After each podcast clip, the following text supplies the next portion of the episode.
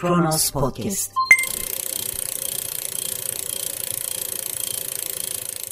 Tıkır tıkır işleyen devlet çarkının millet için mutluluk üretmesini umardık. Fakat görüyoruz ki halkını öğüterek kendi iktidarını üretiyormuş devlet. Böyle olmasaydı eğer aylardır yıllardır haber alamadıkları, ne halde olduğunu bilemedikleri yakınları için çırpınan, seslerini duyurmaya çalışan insanları el uzatmaz mıydı devlet? Onlar için biraz olsun gayret göstermez miydi? Fakat görüyoruz ki onlar için el uzatmak bir yana yeni kayıplar gündeme geliyor. Merhaba 3 Ocak 2021 Pazar günün tarihi ve Kronos Haber'de Kronos gündemle birlikteyiz. İlk başlığımız bir özel haberden eski başbakanlık raportörü KHK'li Küçük Özyiğit'in kızı Babam Nerede? Eski Başbakanlık raportörü KHK'li Hüseyin Galip Küçük Özyiğit'ten 29 Aralık Salı gününden bu yana haber alınamıyor. Bu durum yeni bir kaçırma vakası mı sorusunu beraberinde getirdi. HDP Kocaeli Milletvekili Ömer Faruk Gergerlioğlu tarafından duyurulan gelişmeyle ilgili Babam Nerede kullanıcı adıyla Twitter hesabı açan Nursena Küçük Özyiğit Kronos'a açıklamalarda bulundu. Küçük Özyiğit babasının kaybolmasıyla ilgili şunları ifade etti. Tam sokağa çıkma kısıtlamalarına denk geldi. 3-4 saat ulaşamayınca hemen polise gitmek istemedim. İnsan bir gün iki gün telefonunu şarj etmeyebilir ama 5 gün asla böyle bir şey olmaz. Farklı şehirlerde yaşadığımız için takibini yapmakta da zorlanıyorum. Şu an sadece evde oturup internet üzerinden insanlara ulaşarak olayı duyurmaya çalışıyorum. 2 yıl önce annesinin ve babasının boşandığını, lise eğitimine devam eden 15 yaşında bir kardeşinin olduğunu kaydeden Nursena Küçük Özyiğit, dürüst, sevecen ve adil biriydi. Okumayı severdi sözleriyle tarif ettiği babasıyla ilgili şu bilgileri verdi. Babam hukuk müşaviriydi. 17-25 Aralık operasyonlarından sonra başbakanlık raportörlüğünü aldılar. Daha sonra da ihraç ettiler. Konya'da 1973 yılında doğdu babam. Ankara Üniversitesi Hukuk Fakültesinden mezun oldu. Bir dönem yüksek lisans çalışması için Almanya'da bulundu. Bir süre ulusal ajansta çalıştı. Hukuk müşavirliğine atandıktan bir süre sonra ise başbakanlık raportörlüğünü aldılar. O sıralar babam kendisine çok iş verilmediğini söylüyordu. 15 Temmuz'dan sonra babamı ihraç ettiler. Dava açılmıştı. 2018 yılında kendisi teslim oldu. Yargılandı. Örgüt üyeliğinden 6 yıl 3 ay ceza verdiler. Yaklaşık 6-7 ay cezaevinde kaldı. 6 Mayıs 2019'da son duruşması yapıldı ve istinaf süreci öncesi cezaevinden tahliye edildi bağlantısı, sevgisi, aidiyeti, irtibatı, iltisakı bunlar ikinci planda. Bir şekilde devletin farklı kademelerinde bulunmuş bir insandan bahsediyoruz ve bu insanın kaybolduğunu en yakını kızı haber veriyor. 28 29 Aralık'tan bu yana haber alınamıyor kendisinden devletin aslında her vatandaşına olduğu gibi bu konuda da hadi alarma demeyelim ama harekete geçmesi gerekmiyor mu? Hiç sorumluluk duymuyor musunuz? Ya da devletin güvenliği açısından endişe etmiyor musunuz? Özel bir haberle başlamıştık. Bir özel haberle daha devam ediyoruz. Tuğba Demir'in gerçekleştirdiği bir söyleşi. KHK'li imam sokakta kitap satıyor. Vatandaş istihbaratçı zannediyor. Hikaye binlerce öğretmen, avukat, doktor, mimar, aşçı, zabıt katibi ve nice meslekten yüz binlerce insanın bir anda KHK'lerle işsiz kalmasıyla başlıyor aslında. Ağaç kökü yesinler denilen bu insanlar mesleklerini yapamaz hale gelince hatta sigortalı başka işlerden dahi men edilince çareyi çarşıda pazarda bir şeyler satmakta buldu. Kimi Antep'ten biber salçası, kimi Edremit'ten zeytinyağı, kimi Aydın'dan incir getirip sattı satıyor. Evlere günlük süt dağıtan da oldu, temizliğe giden de. İşte KHK'li İmam Hatip Emin Arıcan o yüz binlerden sadece biri. İstanbul'da İmam Hatip olarak görev yaparken açığa alınan ve 689 nolu KHK ile ihraç edilen Emin Arıcan sokaklarda kitap satarak geçimini temin ediyor. 15 Temmuz'un ardından ihraç edilen Arıcan, Cağaloğlu'nda yayın evlerinden orijinal kitaplar alıp İstanbul'un farklı semtlerini dolaşarak satıyor. Gel gelelim vatandaş onun bir istihbaratçı olduğunu düşünüyor. Tezgahındaki kitapları kontrol eden polislerse korsan kitap bulamayınca şaşırıyor. İhraç imam yaşadığı süreci Kronos'a anlattı demiş Tuğba Demir sunuş yazısında. Sadece mağdurların değil, Türkiye'nin halini merak edenlerin okumasını öneriyoruz bu röportajı. Biz de çarpıcı birkaç cümleyi aktaralım. Emin Arıcan KHK'li vatandaşların mutlaka hakkını araması gerektiğinin altını çiziyor. Yıllardır sokaklarda kitap sattığını ve kimseden zerre kadar korkusu olmadığını belirtiyor ve ekliyor. Bir insan geldiği mevkiye kendi çabalarıyla geldiyse sonuna kadar korkmadan hakkını aramalı. Bana kim mesleğimi sorarsa sorsun asla kimliğimi gizlemedim ve KHK'li olduğumu söyledim. Ben bu yaşıma geldim geldim ne devlete ne millete karşı bir suç işledim. Bugün bile insanlara faydalı işler yapmaya çalışıyorum. İhraç edildiğim halde küsüp kin bağlamadım. Ben bu toplumun her kesimiyle özellikle gençleriyle sürekli irtibat halindeyim ve kitaplar vesilesiyle faydalı olmaya çalışıyorum. İlk zamanlar Diyanet'te çalışmayacağım diyordum ama şimdi fikrim değişti. İşe iade olursam tekrar görevimi yapacağım.'' Emin Arıcan, kanun hükmünde kararname ile ihraç edilmiş bir imam hatip ve sokaklarda şu an kitap satıyor. Ama kendisi de özellikle tezgahına koymuş o yazıyı belirtiyor. Orijinal kitaplar satıyor ve topluma bu yolla faydalı olmaya çalışıyor. Tuğba Demir'in gerçekleştirdiği söyleşi Kronos Haber'de. Öcalan'ı sorgulayan savcı, Avrupa İnsan Hakları Mahkemesi kararı doğru, Demirtaş serbest olmalı. Abdullah Öcalan'ın yargılandığı davanın da savcısı olan eski Ankara Devlet Güvenlik Mahkemesi savcısı Talat Şalk, Avrupa İnsan Hakları Mahkemesi'nin eski HDP eş genel başkanı Selahattin Demirtaş hakkında verdiği hak ihlali ve tahliye kararının doğru olduğunu söyledi. Yeni Çağ yazarı Arslan Tekin'e konuşan Talat Şalk, Ahim mahkumun kim olduğuna bakmıyor. Ahim terörü, teröristi savunmaz. Adam 4 seneden beri tutuklu. Ahim'in kararını doğru buluyorum, bizim de kurallara uymamız gerekiyor dedi. Eski savcı Talat Şalk ki konuştuğu isim de Arslan Tekin Yeni Çağ yazarı. Niçin hatırlatıyorum? Talat Şalk'ın geldiği çizgi, Yeni Çağ'ın yayın çizgisi, Arslan Tekin'i takip edenler bilir onun dünya görüşü ve bu durumda Selahattin Demirtaş'a dair paylaşılan görüşler. Bakın burada önemli olan yine Selahattin Demirtaş ismi değil, Osman Kavala ismi değil, Ahmet Altan ismi değil. Bu isimler değil önemli olan. Önemli olan bir kişinin hakkının ihlal edilmesi. Avrupa İnsan Hakları Mahkemesi'nin de böyle baktığını ifade ediyor Talat Şalk. Fakat Türkiye'de nedense önemli olan isim. Çünkü bu isimlerin siyasi bir karşılığı var ve bu siyasi karşılığında bir tabanı var. Ve maalesef hali hazırdaki iktidar bir şekilde yargıyla kurduğu sistem üzerinden siyasi manevraları hukuk aracılığıyla yapabiliyor. Yeni yılın ilk gününde konuşmak durumunda kaldığımız bir haber vardı hatırlayacaksınız. Sıradaki başlık onunla ilgili. Hacer Yıldırım taburcu oldu. Mahir bebeğin solunum sıkıntısı devam ediyor. Ankara'da bir hastanede yeni doğum yapan Hacer Yıldırım'ın gözaltına alınma girişimi kamuoyundan yükselen tepkiler sayesinde gerçekleşmemişti. Hacer Yıldırım'ın hastanede odasında ifadesi alındıktan sonra hakkındaki yakalama kararı kaldırılmıştı. İnsan hakları savunucusu HDP Kocaeli Milletvekili Ömer Faruk Gergerlioğlu sosyal medya üzerinden bilgi verdi konuda dedi ki Mahir bebeği merak etmişsinizdir. Her şey yolunda iyileşiyor. Anne de iyi. Bebekte az da olsa solunum sıkıntısı devam ediyor. Anneyi taburcu ettiler. Bebek pazartesi gününe kadar kalacak muhtemelen. İlginize çok teşekkür ediyoruz. Kamuoyu vicdanı sağladı. Sağ olsun ehli vicdan değerlendirmesinde bulundu son zamanlarda bu tür sıkıntılı durumlarda hep onun mağdurun, mazlumun yanında yer aldığını görüyoruz, duyuyoruz. Bu ismin orada yer alması bir tesadüf olmasa gerek. Bilinçli bir tercih. Keşke HDP Kocaeli Milletvekili Sayın Ömer Faruk Gergerlioğlu'nun bu tercihi ve gayreti Türkiye Büyük Millet Meclisi geneline yayılabilse. Bitmiyor. Maalesef bu tür haberler bitmiyor. Dilek Doğan'ı anan tweet'i retweet etmek suç sayıldı. OHAL komisyonu red verdi, mahkeme onayladı. 18 Ekim 2015'te İstanbul Küçükarmutlu'daki evinde arama yapan özel harekat polisi Yüksel Moğultay tarafından öldürülen Dilek Doğan'ı anan tweet'i retweet eden memur PKK ile iltisaklı denilerek ihraç edildi. Olağanüstü Hal İnceleme Komisyonu görevine dönüşünü reddetti, idare mahkemesi ise red kararını yerinde buldu.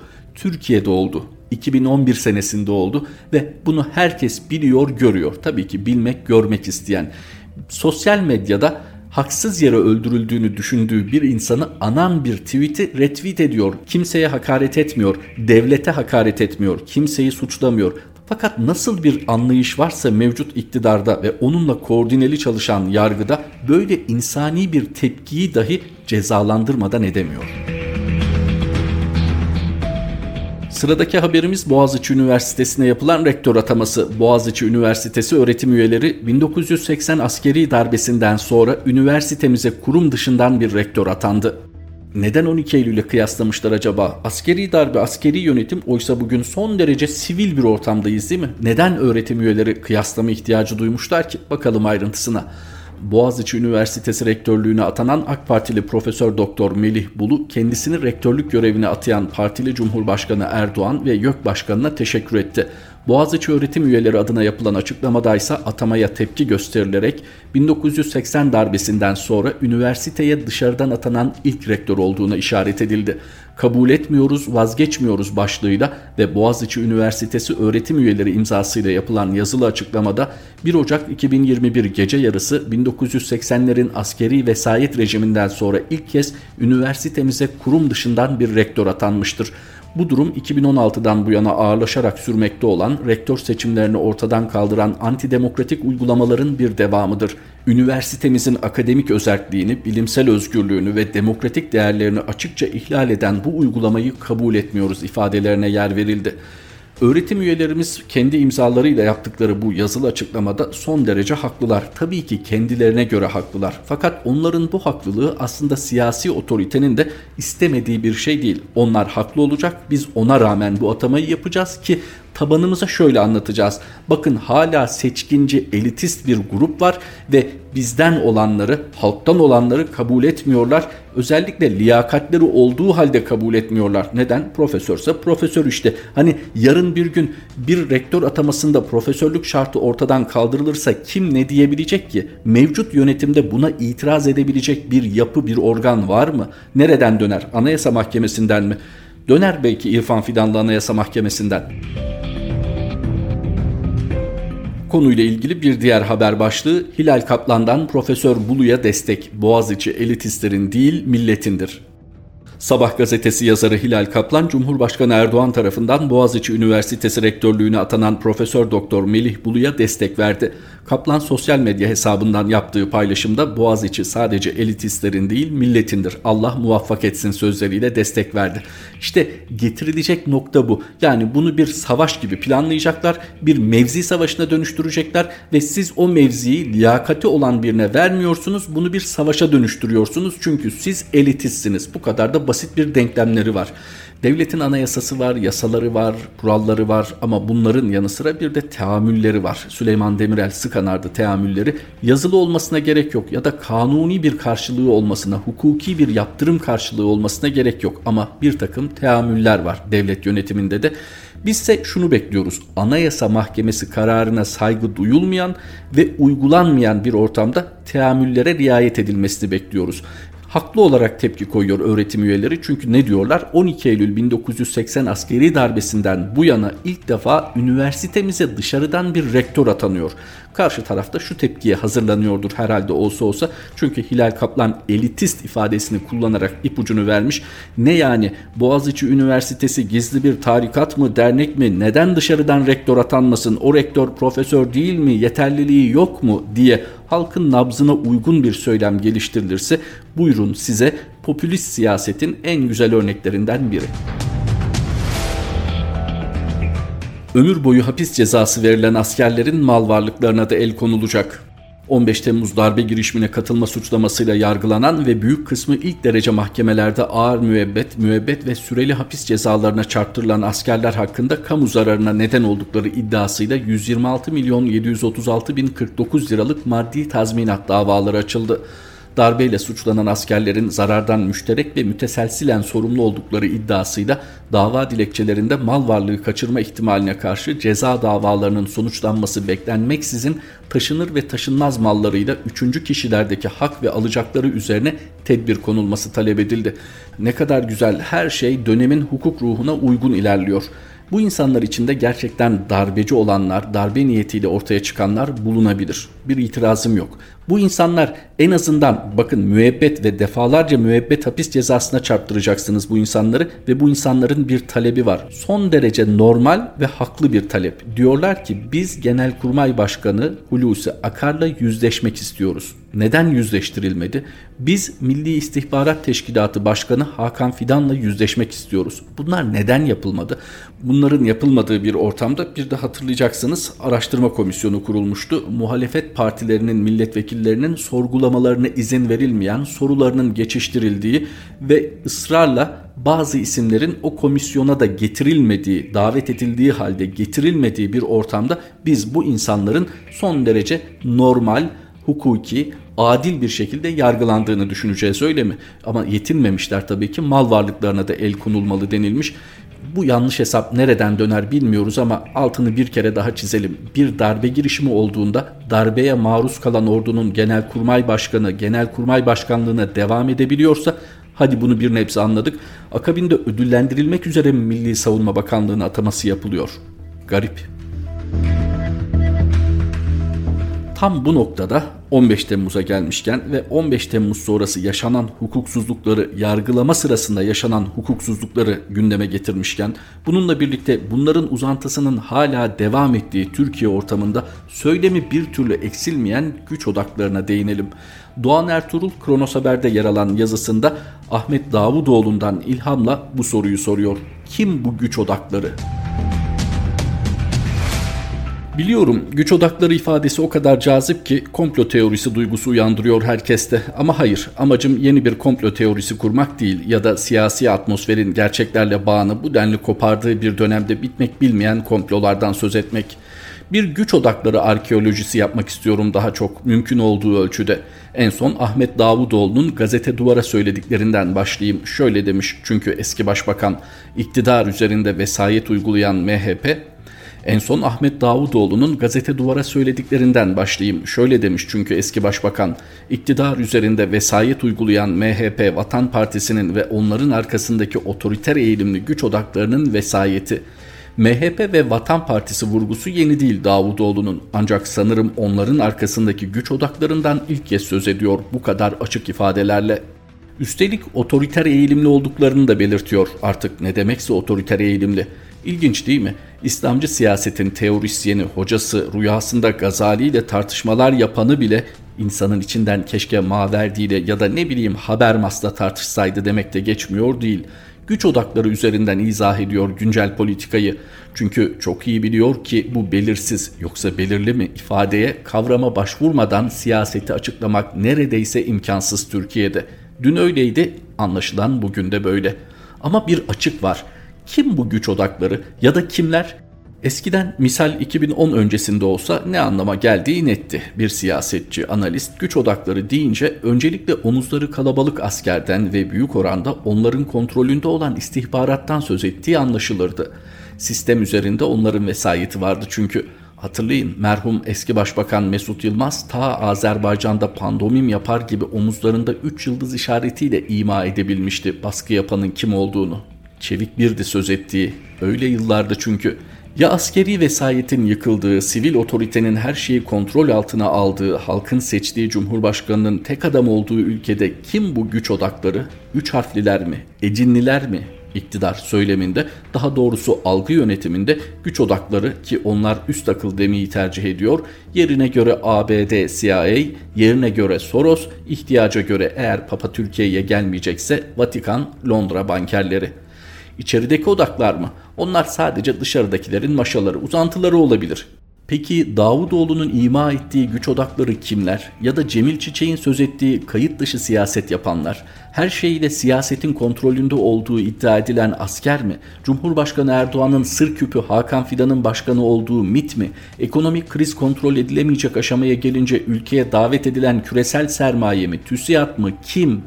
Bahçeli ya da Perinçe'ye izafe edilen bu gücün kaynağı ne? Nereden alıyorlar bu gücü? E hani ümmetin ve mazlumların umudu Erdoğan bütün güç odaklarının belini kırmış ve devleti ele geçirmişti. Hani her türlü vesayet sona ermişti.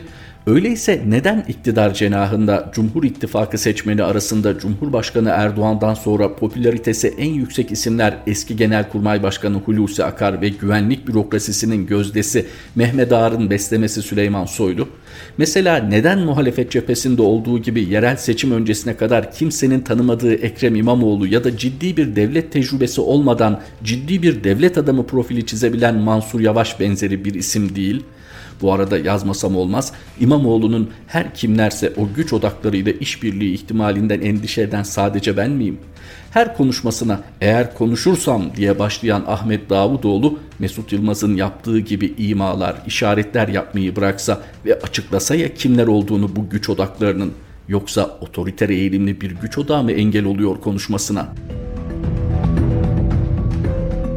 bir güç odakları arkeolojisi yapan Doğan Ertuğrul'un yazısıydı son olarak aktardığımız. Böylece Kronos Haber'de Kronos gündemin sonuna geldik. Tekrar buluşmak üzere. Hoşçakalın.